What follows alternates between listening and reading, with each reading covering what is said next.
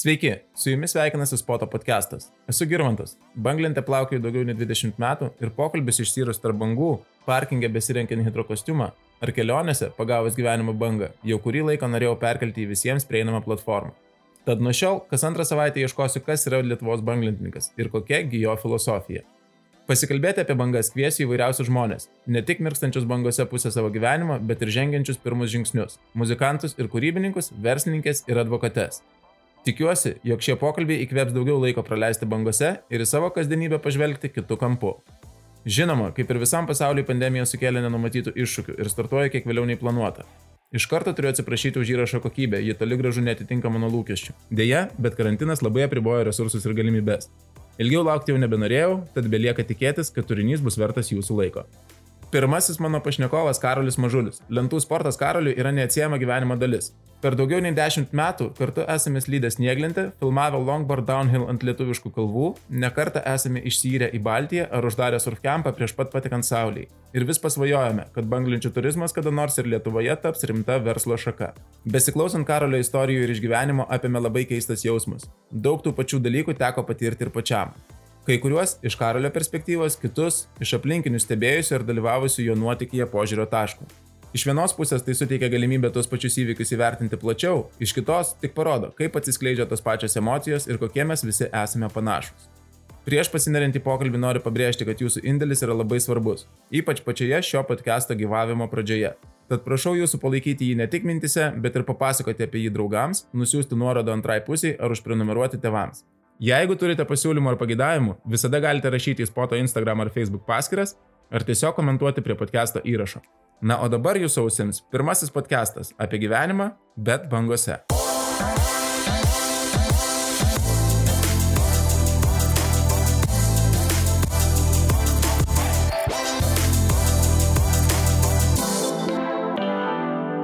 Karoli, kaip tu prisistatytum žmonėm, kurie tavęs nepažįsta?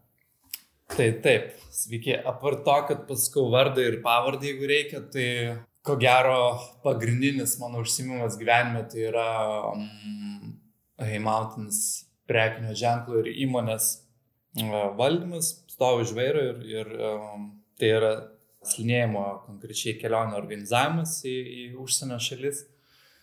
Tai per eilę metų įmonė gana išaugus ir, ir uh, man pakanka visiems metam būtent to darbo, ko mes užsiemam. Tai va, tai čia yra pagrindinis dalykas, o šalia to tai mielai pasipasakoju, kad visą turimą laisvalaikį stengiu praleisti gamtoj, bangose, jeigu yra galimybė, ant kitų lentų, bet, nu, žodžiu, mėgstu, mėgstu aktyvų polsį ir šiaip polsį. Tai apie bangas, kaip, kaip tu pats įvardintumėt, koks tavo yra santykis su bangomis? Kažkaip, kai pagalvoju, ką čia reikėtų atsakyti, gal e, žiūriu į savijautą. Bangas aš prisimenu dažniausiai tada, kai truputį jautiesi užsukęs rutinoj, šiek tiek gal kažkokių darbinių problemų yra ar kažko, nes visi tie, tie ekstremalų sportai, kuriuos yra tekę pabandyti gyvenime ir kurie vat, iki šiol lygiai yra ir liks, tai jie duoda tokį, mm, jie atneša daug ramybės, aiškumo ir, ir labai, labai gerą savijautą per, per trumpą laiką. Tai gal man atmetus tas sporto ir fizinius visus dalykus, kurie irgi traukia ir kur akivaizdžiai naudą jauti, Tai aš tą matau tokį nu, didžiulį moralinį ir, ir psichologinį pasitenkinimą ir naudą. Nu, cool. Čia sudėtingai gal atsakiau, bet uh, sakau, tai banglentė nėra tik tai sportas arba tik ten laisvalokio praleidimo būdas. Jeigu truputį daugiau pasigilini į tai, ką tu gauni paplaukęs, kad ir vieną valandą, tai va ten tokia eilė dalykų susideda. Kokia tavo pirma banga, ar, atsimeni kur, kada pabandėjai, kaip pagavai, kokios, kokios emocijos kilo, kas vat nutiko, kad tai tapo kažkokia sporto šaka, kuri dabar yra tavo gyvenimo dalimi ir kur tu grįžti?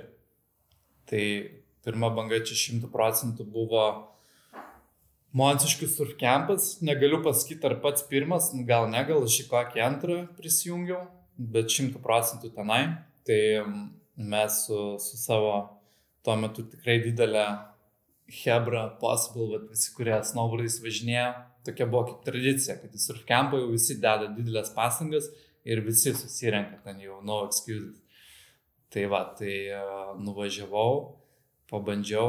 Gal aš ten pačios pirmos bangos ir negaliu atsiminti, bet viso, viso surfkampo emocija, kurio metu ir buvo ten, bet pirmas bangos paimtas, tai puikiausiai, puikiausiai pamenu, kad ten buvo, wow, kad ir kelias dienas, bet, nu, toks vasaros highlightas visą laiką būdavo. Bet vad ką žmogui nebandžiusiam banglenčių sporto, ne, nemačiusiam tų ankstyvųjų surfkampų, tos lietuviškos banglenčių kultūros pačios pradžios, vat, kaip tu papasakotum, kas, vat, kas ta emocija buvo, kuri, kuri taip labai įtraukė, kur ta didžioji vertė? Nu, sudėtinga kažkaip atsakyti. Um to jausmo, žinai, nu, vat, nes čia mes turim, mes kalbam apie tai, tai to jausmo tu nepertiksi, žmonės visą laiką kalba ir bando papasakoti, atpasakoti tas emocijas, bet tas yra neįmanoma. Aš gal tiesiog sakyčiau, kad ką tam žmogui pasakyti, tai ne veltui yra kultūra pasaulyje tokia didelė, ne veltui žmonės keliauja į visokius ten Maldyvus, moka, leidžia tūkstančius eurų ir čia būna jų tikslas surfint ant vienos, ant kitos bangos, tai gali savo iškelti klausimą, kodėl, kodėl tai daro masė žmonių, todėl, kad turbūt tas, tame yra kažkoks neapsakomas jausmas, dėl ko verta tai daryti. Tai gal tokį klausimą uždavus galėtų būti atsakymas, bet tu jį turi eiti, pabandyti ir, ir, ir, ir pats tą atsakymą tada surasti. Tai tai gal ir yra vienas iš tų aspektų, kad banglentėse galbūt kiekvienas ir gali rasti savo atsakymą, nes vienam tai gali būti saviriškos forma, meno forma, kitam tai gali būti sportas, kitam gali būti tiesiog meditacija, pabėgimas iš kasdienybės. Taip. O užsiminėjai, užsiminėjai kitais uh, ekstremaliais sportais, tai banglentės nebuvo uh, pirmas uh, užsiemimas, turėjai kitų lentų sportų. Kaip, kokia bendrai va, tavo patirtis, kaip tas ekstremalus sportas atsirado tavo gyvenime ir, ir kokį santykį šiandien turi banglintis su, su kitomis sporto šakomis? Um, taip, viskas prasidėjo nuo snieglintės. Aš dabar truputį pasimetęs, nežinau, ar 18 ar 19 metų uh, jau snowboardinu. Tai va, dėka, dėka viskas taip dėkingai suklasi, kad tą galiu iki, iki šiandien dar daryti daug. Tikrai gal apie šešias savaitės per sezoną kalnuose praleidžiu. Ir uh, tikrai galiu pasakyti, kad kiekvienas iš lentų sportų padeda uh, sekančiam. Ten tarkim, man aš tada, kai uh, pabandžiau vandenlentę, tai man tas buvo daug lengviau dėka snowboardo daryti banglėtį lygiai tas pats, bet gal matyčiau tokį kultūrą, ne, ne tai, kad kultūrą, bet truputį skirtingas gal tipažas žmonių šiek tiek užsiminėja visais tais lentų sportais. Nu, kelis paminėkim, tai sakykim, snieglentė, jinai labiau yra toks, matau, kaip masiškesnė. Dirbu slidinėjimu, tai mes, prasme, nuo, nuo šeimų ten su kūdikiais važiuoja į kalnus iki vyriausias keleivis buvo 84 metų. Banglentė, visi surfkempai ir, ir žmonės iki dabar, kai atvažiuoja, matai jos plaukiančius, tai jie tokie, man atrodo, kad tokie gerokai šiltesni, atviresni, tokie gal ramesnio būdo, truputį mažiau yra viso to show-offo. Nieko blogo nenoriu pasakyti, bet uh, banglenčių bendruomenės žmonės jie yra šiek tiek tokie pa, pa, paprastesni, vėjo nugairintais veidais. Bet tas turbūt kyla iš to, kad banglentėse tu esi labai stipriai priklausomas nuo stichijos, nuo, nuo vandens, nuo vėjo, nuo jūros, nuo, nuo dar kažko kur kitose sporto šakose žmonės jau sugebėjo susikurti savo sąlygas, kurias jie gali atkartoti. Ir, ir tada ir tas pokytis yra visai kitas. Jeigu tu susimoki 50 eurų už dirbtinę bangą, tu gali nueiti, pagauti tą dirbtinę bangą ir, ir viskas. Bet jeigu tu turi tos bangos laukti vandeninę valandą, kartais dieną ar savaitę, tai turbūt e, atsisijoja tam tikra žmonių, e, kaip čia pasakyti, tam tikras E, psichologinis galbūt paveikslas. Taip. Tai sakykime, slidinėjimas ar ten vandenlentės yra gerokai daugiau patogumo, gerokai daugiau aiškumo, tu gali prognozuoti tą savo plaukimą, situacijas, greit numatyti banglentę, tai ko gero kiekvienas, kuris jau yra plaukęs, žino, kad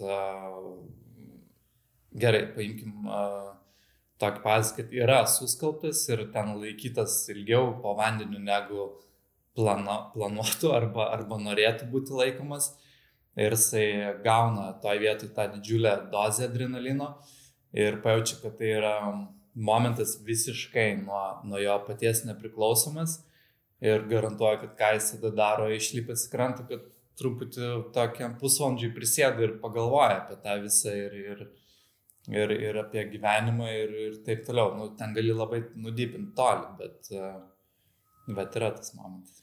Man atrodo, ir tu esi pasidėjęs Melragėje. Esu aš ir, ir Meldragiai, ir, ir Portugalijoje esu. Portugalijoje labai rimtai ten ir su draugu ašarom. Bet čia tiesiog per tą, per didelį pasitikėjimą savim ten buvo ta situacija. Nežinau, jeigu turėsim laiko, galėsiu papasakoti, jeigu ne, tai nesvarbu, kitą kartą. Gerai, bet tai pašnekėsim gal apie tas tokias jau gyvenimo bangas gal pabaigoje. Tu esi Vilnietis, užaugęs Vilniuje. Ar... Taip. Taip.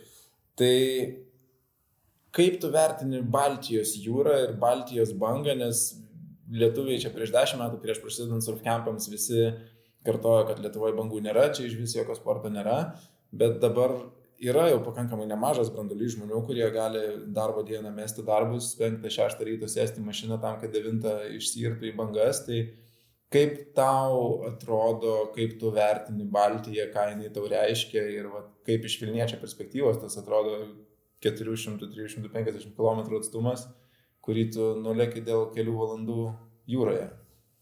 Jau kai esi paragavęs e, plaukimo ir kaip aš sakau, jeigu pavyzdžiui tau emociškai jo reikia, tai tie 350 km tikrai yra niekas, ypač jeigu ne, ir ne vienas važiuoja, tai galėtume, nu, kalbam apie tai, kad tau ir linksmiau, ir, ir ten pigiau nuvažiuoti yra. Tikrai čia ir, ir kompanijos dalykas yra paplaukimas. Bet, ek, aš pamečiau, žinau, pamiršau, ką klausai. Baltija, Baltijos, Baltijos banga, kas, kaip, kaip tu ją matai, kaip tu ją vertini, ar, ar tau jinai yra lygiai vertė su bangomis pagautomis kelionėse, ar jinai tau, jeigu gerą bangą Baltijai pagauni, ar jinai daugiau tau reiškia, kaip. Taip, va, labai geras, aiškus klausimas gerokai daugiau reiškia pagauta banga Baltijai negu, negu kažkur kitur plaukiant, todėl kad um, žinai, kad nu, sekančias gali ir ne, gali nepasimti ir valandą, ir dvi toliau plaukėdamas. Ne taip kaip, pavyzdžiui, nežinau, nu, Šrilanka man yra geras prisiminimas, labai labai gražios, aiškios, švelnios bangos, kur tu žinai, kad eisi į sesiją ir pasimsi ten 10 ar 20 bangų, ten kiek jau, kiek laiko praleisi. Tai taip, jos Baltijoje yra sunkiau uždirbamos ir dėl to aš, pavyzdžiui, tikrai labiau vertinu. Man net būna, žinai, surašai su, su draugais paplaukimo Ir klaus, nu kaip ten paimi ką nors ir tu, jo, ten vieną, dvi žinai pasiemu, jau yra gerai, jau ta prasme, turi kuo pasidžiaugti, turi kuo pasigirti, pasidalinti. Nu čia man, aš ta prasme nesu toli, toli gražu, geras plaukikas, aš labiau tas, kur tiesiog gero, gero laiko turėtojas vandenį. Užtrunka laiko šiek tiek ir prisijaukinti tą baltį, užtrunka laiko, kol tu pradedi vertinti tiesiog tai, kad turi taip, jinai e, yra gerokai bangatesnė, tas bangos kartais lipa viena ant kitos, bet e, matom, turim tikrai ne vieną gerai plaukinti Baltijai, tas yra padaroma, tiesiog reikia ir, ir laiko skirti, ir pastangų, kaip ir kiekvieną bangą arba vietą, spotą išmokti skaityti. Ir tą padarius, tai tavo plaukimas tik tai, tik tai gražiai gerėja ir tu daugiau turi tų bangų, kurias susirenki. Ok.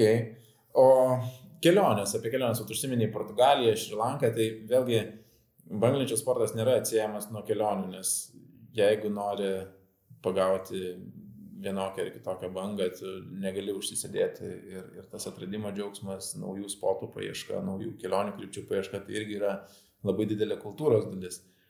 Kai tu pats va, galbūt gali papasakoti plačiau apie, apie savo patirtį kelionėse ir ką tu tikiesi parsivežti išvažiavęs kažkur pagauti bangų. Nu, žinai, kai važiuoji, pagrindinis tikslas surfinti, tai aišku, spurdi, kad, kad, kad kuo, kuo geriau paplauktum ir kuo, kuo daugiau bangų pasimtum, kuo daugiau spoto aplankytum, bet tu neišvengiamai nu, patį blogiausią pavyzdį turbūt paimsiu kelionį į Turkijos tą, kur all inclusive, ne, paketą. Tai tu labai gerai žinai, kas tavęs laukia, ten simokė tam tikrą sumą pinigų, nuvažiuoji, gauni pilną maitinimą, niekur greičiausiai neišeisi, priauksi 10 kg ir grįši, nieko nepamatęs. Nu, palisės, taip gal paskaitęs knygų, nors nemanau, kad ten daug kas skaito važiuodami. Tai va, čia važiuodamas surfintų, neišvengiamai apart savo tą pagrindinio tikslo plaukimo, tu vis tiek neišvengiamai e, pamatysi tą šalį, kuri bus atvira, nes tu tuo metu keliausi iš vieno spoto į kitą, neišvengiamai patirsi kažkokių nuotykių kelyje ar nekelyje, su daugiau žmonių susipažinsi, tai stil, ta pati kelionė į užsienį, ta tokia geroji kelionė su pažintim, su nuotykiais ir papildomai su su tuo visų kaifu, kurį gauni plaukdamas. Tai, nu, va, visą tai susumavus, turbūt yra medžiktas dalykas važiuoti į užsienį kažkur paplaukti. Gerai, tai kelionės užsiminiai tau, tau tapo ir verslu.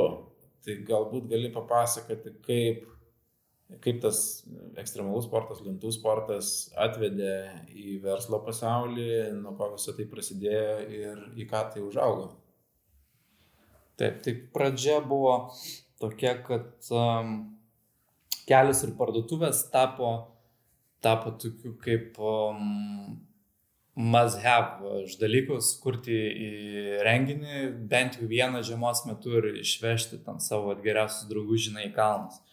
Ir uh, mes su, su bičiuliu mm, pagalvom, kad turim pakankamai daug draugų, daug, daug pažįstamų ir pažinčių ir išskėlėm savo tikslą pasileisti kelionę į, į Prancūzijos Alpes su, su labai labai nedidelė marža, tiesiog tikslu tuo, kad um, savo kelionę atsimuštų arba kuo arčiau prieartėję to, kad, žinai, ten mums nekainuotų daug važiuoti, nes neturėjom pinigų čia, iš apie, dar mes tokie iš paauglysės, tik tai išlipę buvom.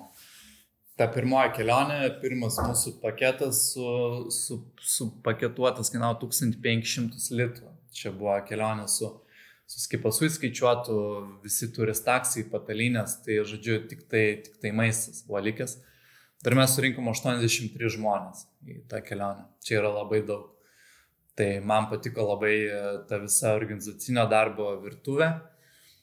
Ir kadangi kalba ėjo apie slidinėjimo keliones ir apie kalnus, mano didžiausia ir mylimiausia hobė, Tai aš taip daug klausimų savo ir neuždavinėjau ir tuo, tuo, tuo keliu ir nuėjau. Tai va, tai šiais, šiais metais. Tai kiek, kiek, kiek laiko jau praėjo, kiek laiko nuo tos pirmos kelionės iki šiandien? Kelintas sezonas buvo? Devintas praėjo dabar beratų sezonas. Ja. Šiais metais virš 2000 žmonių jau skraidinom ir sekantį metam buvo iš tikrųjų planų apie, apie kelis čarterinius reisus, šilės, bet matot, pandemija sujaukė daugelio, taip pat ir, ir, ir mano planus, tai žiūrėsim kaip toliau. Ko gero, ko gero čarterių ne, nebus, bet slinėsim toliau sėkmingai ir, ir laukiam sekančių metų. Kaip tu vertini, ar ta banglenčių filosofija, bangų filosofija, tos pamokos, kurias išmoksti išsyręs į jūrą, išsiskalbęs ir išlipęs pasidėjęs tą pusantį pagalvojęs, ar, ar tie dalykai kažkokia forma atsiliepia ir tavo verslo filosofija, tame kaip tu priimi verslo sprendimus ir kaip iš principo žiūri galbūt į, į visą verslą savo labai labai daug momentų galima sutapatinti su, su banglenčių sportu. Tai žiūrint, nu, kelis pavyzdžius, galim paimti, tiesiog, kad kantrybės, ar ne, reikia kantrybės laukiant, laukiant savo bangos, taip pat gali būti verslė tau, kad uh, turi turėti kantrybės, nu, ir resursai, čia kiti dalykai, bet galime žiūrėti kaip į kantrybę, turėk kantrybės uh, dirbti, nepaisant to, kad tavo rezultatai nėra tai dienai tave labai tenkinantis, bet tu turi tikslą. Kantrybė vandenį, tai tikslas tavo yra sulaukti savo tos bangos. Kantrybė verslė tai yra dirbti ir investuoti į, į, dar, į darbuotojus, juos motivuoti, ieškoti sprendimų tam, kad ta kantrybė mm, duotų tau tavo tų planuojamų vaisių. Tai čia, čia vienas iš, iš tų momentų. Reikia jėgų, reikia jėgų išsirt, reikia jėgų ir, ir sugebėti mm, prisimti ir ten po nuostolingų metų vėl visą jėgą, reiškia, susikaupus save patį motivuoti, ne, nekalbant apie tai, kad komandą visą tu turi motivuoti, bet ir pats tuo metu gali, gali būti gali būt tikrai demotivuotas ir toj stadijoje turi stovėti prieš savo komandą ir sakyti jiem, kad, kad viskas yra gerai ir bus dar geriau. Tai, tai va, tai jėgas šitoj, šitoj pusėje yra. Ir taip gilintis yra tikrai labai labai daug panašumų. O kasdienybėje, ar, ar yra vat, kažkokia išvalga, kurią E, nešiojasi su savim, ar gali kitiem perduoti, kad tai yra va, kažkoks patarimas, kažkokia pamoka išmokta bangose, kuri gali būti naudinga kiekvienoje situacijoje kasdien. Čia matau, nuo, nuo kiekvieno žmogaus priklauso, bet apie savo savybės tai um, kartais pritrūksta, pritrūksta ramybės, man um, nesugebu, žinai, nusidėti vienoje vietoje, man reikia kažkur važiuoti, veikti pastoji, ten kad ir pusdienį turi laisvę užžiūrę, ar gali išminti su dviračiu ir kokį, kokį mišką nueidžinai, arba jeigu turi stresinę kažkokią situaciją, tai prisiminus uh, banglentis, man iš karto kažkaip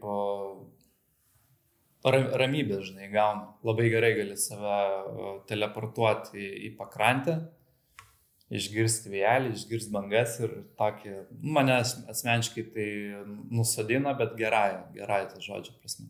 Net užmygti gali kartais padėti, su miegu irgi turiu dažnai, ypač darbymečio sezono metu problemų. Tai ne vieną kartą esu labai greit užmygęs galvodamas apie, apie pajūrį, apie bangas, apie, apie sniegą tą patį. Tai, tai veikia. Aišku. Tai artėjom po truputį link pabaigos, pabandom tada panalizuoti tas tavo, e, tuos potyrius bangose, nuotykius, e, gal pradam nuo tavo gyvenimo bangos, ką tu šiandien galėtum įvardinti kaip savo gyvenimo bangą, ką tu atsimeni, kokia, kokia banga tau yra palikus didžiausią įspūdį. Mhm.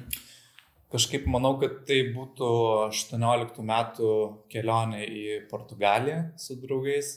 Vavyti ražuką daug kas gali žinot. Ir neatsiminsiu aš nei spotų, bet tiesiog čia aišku apie daugiau jų, jausmų pasaulis yra, yra surfas. Tai a, paėmiau, paėmiau kairę bangą, kažkaip plaukiau ir galvoju, kaip man, mano lygiui, jau kažkaip turėtų ir pasibaigti kelionė, nes ten jau, žinai, vienas, du, trys, paskui keturi ir, nu, jau užtenka man, aš jau ir tai laimingas. Ir žiūriu, ta banga toliau gražiai lūšti ir aš taip stabiliai stoviu, kad aš ją visą taip iki pat galo ir, ir nuraidinau. Tai ten, aš nežinau, kokį ilgį buvo, bet tikrai ilgai ir man aš ten klykiau. Buvo daug žmonių vandenį, nežinau, ką jie galvoja, bet tai man ten buvo wow. Ir, ir, ir Žiauriai daug džiaugsmo buvo. Tai va, um, kit, ki, kita istorija, apie kurią šiaip nesu dalinęsis, ten uh, artimam rate pasakės, kuri dar iki šiandien uh, turi pasiekmių didelių, nes net ir uh, prieš dvi dienas, kai plaukiau Melragiai, tai per, per akmenis šlipau, nes, nu, būna aš į, į panikos priepolius dar vis uh, iššoku. Tai reiškia, toj pačioj kelionėje Portugalijai atvykome į paplūdimį ir žiūrim, kad e, vietoj 80 žmonių, kai standartiškai tiek būdavo vandenį, 3 mes suskaičiavom. Bangų žiauriai didelės, tai su vyčiu, sakom, varom pasikeisim į tokius jau visiškai šortus, pasimokinsim tokiam sąlygom bent jau dagdaivinti ten geriau, nu kažką pasimti iš tokių bangų, kaip, kaip į pamoką, tai pažiūrėjom. Tai tikrai ir gau gerą pamoką finalę. Tai po gero pusvalandžio bandymo prasirti, prasirėm. Ir tu, kai baigiau tą savo tik pirmą etapą prasirimo, aš pamačiau, kad aš esu visiškai uh, sąlygose, kurios yra ne, ne mano nosija, nes tam bangos buvo trimetrinės ir dar prieš, kai jinai iškyla, toj tokio kaip dobėje atsirandi, tai vizualiai jinai dar padidėja. Ir uh, kažkaip aš kuvyčiu, kad sakau, aš uh, plaukiu į krantą, žinai, sakau, čia, čia tikrai ne man. Negirdėjau, ką jis sakė, bet jis irgi kažką ten reikia. Priplaukė prie mane, sako, seneliuk, sako, aš tai kuo greičiau minu į krantą. Ir kažkaip nemačiau, ir jisai atsistojo, tu prasme, nuraidino, ar jį nuplovė, bet dingo iš mano akiračio. Tada vienas šalia buvo svirukas, irgi jį nu, nuplovė. Ir aš likau vienas, toks galvodamas, ar aš bandau, bandau imti, stotis, ta prasme, ant tokio monstro ar aš laukiu, kol atsidursiu to vietu, kur tiesiog mane nuneš ten, neaišku kiek, žinai. Nu ir taip ir buvo, aš aišku, bandžiau atsistoti, bet drebančiam kojam ir tik tai atsistojus iš karto ten ant pirmo šono pasitaikiusio, griuvau ir uh, užpylė, nu ir aišku, reikėjo tikėtis, kad uh, tiek po vandeniu aš nebuvau dar gyvenime laikytas, kiek, kiek, kiek ant tokios bangos.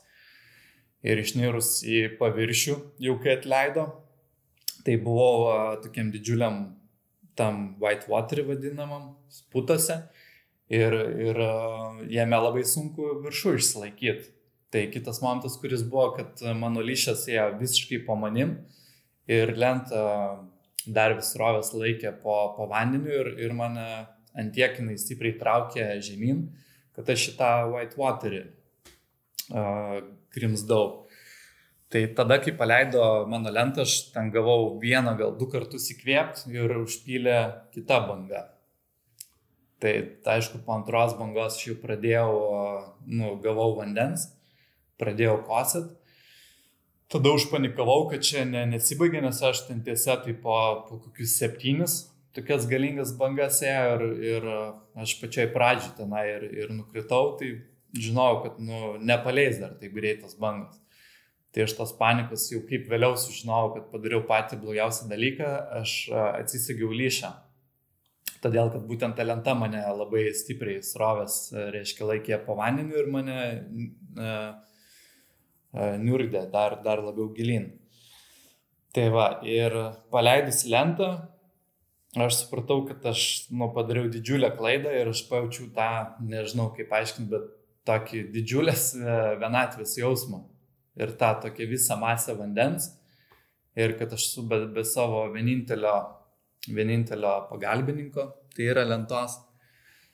Prieš tai galėjai ten bent jau vieną, du normalius įkvėpimus padaryti. Tai aišku, aš tada į dar didesnę paniką uh, šoviau ir pradėjau rėkti, kad gelbėkit, ten uh, ant tokios salos buvo daug žmonių, Jie nieko negirdėjo, matė tik tai mane rankom mosuojantį, o paplūdimys buvo laukinis. Tai reiškia, jokių gelbėtų, jokių mašinų ten nieko, nieko nebuvo. Tai vieninteliai žmonės, kuriuos aš pamačiau už kokių keliasdešimt metrų, buvo, kaip vėliau sužinojau, vietinis instruktorius su, su mokiniu pažengusiu, jie dirbo viens ant vieno. Tai tas instruktorius priplaukė prie manęs, sako, Sako, nusiramink, imk lyšę su viena ranka ir su kita, žodžiu, pedlink. Ir, ir pelinomės į, nu, gilinį į vandenyną. Tai manau, kad ten buvau kai geras akmuojam, nes su ta laisvė savo ranka kaip su kirviu, tik tai padaužiau kelis kartus ir dar dabar labai gerai atsimenu veidą to instruktoriaus. Jisai atsisuka ir toks visiškai be emocijų sako, release the leash, paleisk lyšą.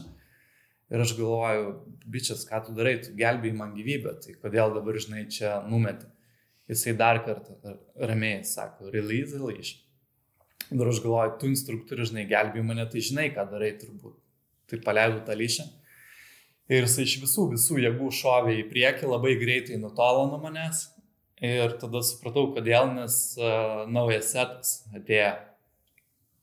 Atėjo naujas setas ten aš tada kaip ir nelabai pamenu, kiek bangų mane suskalbė, bet tik tai pamenu, kad kiekvieną kartą išnyręs, kai turėdavau tas savo kelias sekundės atsikvepuoti iš jo, tenai tiesiog meldžiau, kad jisai grįžtų. please help, please help, bet jisai reikia man, sako, tu atsipalaiduok, žinai, lauk. Ir kažką kalbėjo su savo mokiniu ir uh, jo mokinys priplaukė prie manęs, nes jis buvo su daug didesnė lenta. Tai va, tai žodžiu, išskėlė mane ant tos lentos, mes dviesi nupedlinom į, į gilumą, tai kokiu dešimt minučių laukiam, kol aš atsikvėpavau ir nurimau. Ir tada sako, dabar laukia tavęs antra dalis, mes turim per visą tą mėsmalę grįžti, žinai, į krantą. Ir, nu, jūs neįsivaizduot, kaip mano rankos kojos drebėjo ten, nu, kažkokiam nesuvokiamam lygiai. Aš jau geriau būčiau likęs iki kitos dienos ir pernakvojęs ant tos lentos, negu, ta prasme, vėl plaukęs į tenai. Tai sako, ką mes turėsim pasidaryti, tai dviese pagaut bangą. Jisai maksimaliai į galą nuėjo, aš maksimaliai į priekį, kiek tik tai galėjau ir, nu ką mes, vyrai mes dviese vyrai būdami ant lentos mes tokią bangą pasigavom ir mes tokiu greičiu nuėjom į krantą, kad ten vos ne kaip būna kaip skuteriai, kai ant, ant smėlio užlėkė. Tai va, tai krante buvo labai daug žmonių susirinkę, nes ten konkreti gelbimo operacija vyko, tai mano draugų buvo ir apsverkusių, kurie laukė. Tada vienas bičias sako, aš bandžiau su lenta kita, ta prasme, nu, tavo, tavo lentą gražinti, bet sako, per tokią mušą ten, nu, be šansų buvo persirti. Instruktorius jisai buvo, tai net gerai plaukintis žmogus, jisai, nu, su dviem lentom nesugebėjo persirti. O geriausias buvo tai tas instruktorius, kuris bandė mane gelbėti, tai jisai prie ir sako, Happy birthday, man, never panic. Tai aš jiems ko, I wasn't fucking panic. Aišku, jie ten, žinai, gimė, augė, kitaip visą tai žiūri ir mato. Aš sutinku, kad blogiausias dalykas, ką aš padariau, tai kad, kad supanikavau, aišku, kad paleidau lyšą. Tai, bet šitą pamoką aš turiu išmokti. Dabar tai lietai bandau adaptuotis, bet net ir Baltijoje, vat, kur mažesnės bangos, bet jeigu daugiau užpila ir jos dažniau ateina, tai man uh, sukyla tie prisiminimai ir aš pasijaučiu labai nesaugiai sutrinka kvepavimas, reiškia, tai va, turiu dalykų, su kuriais uh, dirbti reikia po, po to įvykio. O ką pozityvaus išsineši iš, iš visos šitos patirties, nes, nu, vis tiek, happy birthday, kaip bebūtų. Tai ir tą ir išsinešiau, kad, kad galiu, žinai, galiu toliau daryti, ką, ką darau, paplaukars nuo karto palaikau ryšį iš tikrųjų su to prancūzu, kuris ištraukė mane iš ten, bet visą laiką šventam kalėdams, visom šventėm, žinai, pasveikinę. Susirašom kartais, kai Alpės kiekvienas važiuojam, bet nu, vis prasilenkiam. Tai aš tam žmogui žiauriai esu dėkingas, nes tikrai, jeigu neįs, nu, ten man dar porą bangų būtų likusių ir viskas, nes aš jau buvau gerai, gerai prigeręs vandens. Tai. Nu, tai įspūdinga istorija. Aš manau, kad visi bent kiek daugiau plaukioja, anksčiau ir vėliau atsiduria tokioje situacijoje, nes vėlgi taip retrospektyviai analizuojant, tai turbūt pagrindinė problema buvo būtent savo jėgų pervertinimas. Taip, taip. Tai vad ką galėčiau pasakyti, kad uh, tai gerai, aš lipau ten, tai buvo sąlygos ne mano jėgom. Ir aš arba dėl pasitikėjimo savim per didelio, arba dėl žinių dar trūkumo reiškia, nesugebėjau vertinti, kad tai yra ne man. Tai neskubėkit. Vienas dalykas, ką galiu rekomenduoti, o kitas, nežinau, pasitarkit su geriau plaukiančiu už save, pasitarkit su vietiniais visą laiką. Papasakot, kokiem lygiai maždaug jūs esat, kad jie galėtų irgi adekvačiai patarti, kad tai jūsų arba ne jūsų kol kas. Nors nėra kur skubėti, prasme, plauksit, tobulėsit, tai prieauksit iki tų bangų. Bet aš dabar dėka savo skubėjimo nu, prisidariau tikrai savo problemų ir dabar neaišku, ar iš vis kada galėsiu atilipti tokias jau didelės bangas, nes kažkokia žala vat, yra padaryta. Man sunku labai vertinti, nes aš neįsivaizduoju tos realios tavo psichologinės būsenos, kai tu išlipai ir kiek, kiek tai buvo uh, trauminė patirtis tuo metu buvo ant tiek trauminė, kad prakalbino mane Romas tik tai tą dieną. Na, aš, aš galbūt norėčiau iš, iš tos pozityvios pusės pasižiūrėti, kad vis tiek, net ir sakai, Baltijoje kažkiek e, sukelia tų neigiamų emocijų ir prisiminimų didesnės bangos, bet e, tai nesustabdė tavęs. Net ir šita patirtis tavęs nesustabdė ir tu vis tiek nori grįžti ir išsirti į jūrą. Taip, taip, tai apie, apie geras sąlygas net kalbos nėra, bet uh, ir apie tas, ta, žinai, nenoriu išgazinti žmonių, kurie klauso ir jie planuoja uh, bandyti plaukti. Tai čia mes kalbam apie tą baltį, kuri būna, kai, aš nežinau, nuo 20 metrų per sekundę, kai jau uh, link audros galima pavadinti, tai tada turim tas sąlygas, kas tikrai rimtas. Bet kadangi mėgstu, mėgstu iššūkius gyvenime, tai, nu, at negaliu aš tai paimti ir, ir pabėgti dabar nuo gavęs tą vieną gerą bangą, kurios ne, ne, neturėjau prisimti arba per anksti prisėmiau. Tai dabar tokį ir turiu savo iššūkį ir galiu keltis, kad palaipsniui, palaipsniui vis ant didesnių, vis sunkesniem sąlygom, bet aš noriu, noriu atgauti tą pasitikėjimą plaukimui ir, ir sunkesniem sąlygom, ne vien tik tai, kada yra lengvas vėjelis ir ta banga yra prognozuojama ir, ir graži, ko, ko tikrai būna ir Baltijoje, ir, ir su, su šypsena gali visą sešiną praleisti. Tai mano paskutinis klausimas ir būtų, kokia yra kita tavo banga, kurią tu nori pagauti. Ar tai būtų tavo gyvenimo banga, ar tai būtų tavo, ar pagausi galbūt, ar tai būtų tavo banga pagauta jūroje, ar kelionėje, ar dar kažkur, kas, kas yra tavo tikslas, į kur yra nukreiptas tavo akis šiandien. Dabar gal e, gyvenimo ta banga, žinai, būtų pravesti save ir savo komandą ir e, šeimą pro pro šitą periodą tokį, žinai, įdomų, įdomų ir kuris yra tikrai su, su iššūkiais, nes nu, mano duona tai yra turizmas ir jis ypatingai su dideliais iššūkiais yra.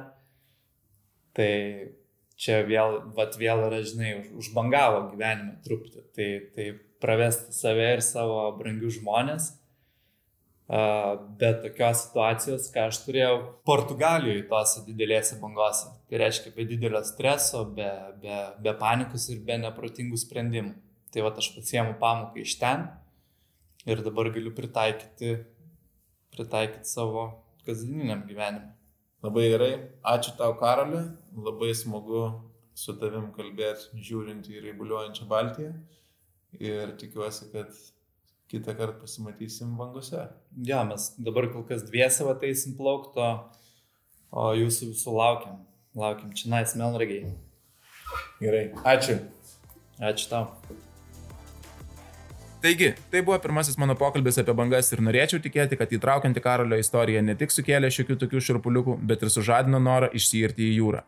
Jeigu palaikote banglenčių sportą, spoto idėjas ar tiesiog mėgavotės besiklausydami mūsų pokalbio, būtinai juo pasidalinkite socialiniuose tinkluose. Sekite spotos Instagram ir Facebook, prenumeruokite naujienlaiškį ir apie antrąją laidą sužinosite pirmieji. O kol kas sakau, iki pasimatymo bangose.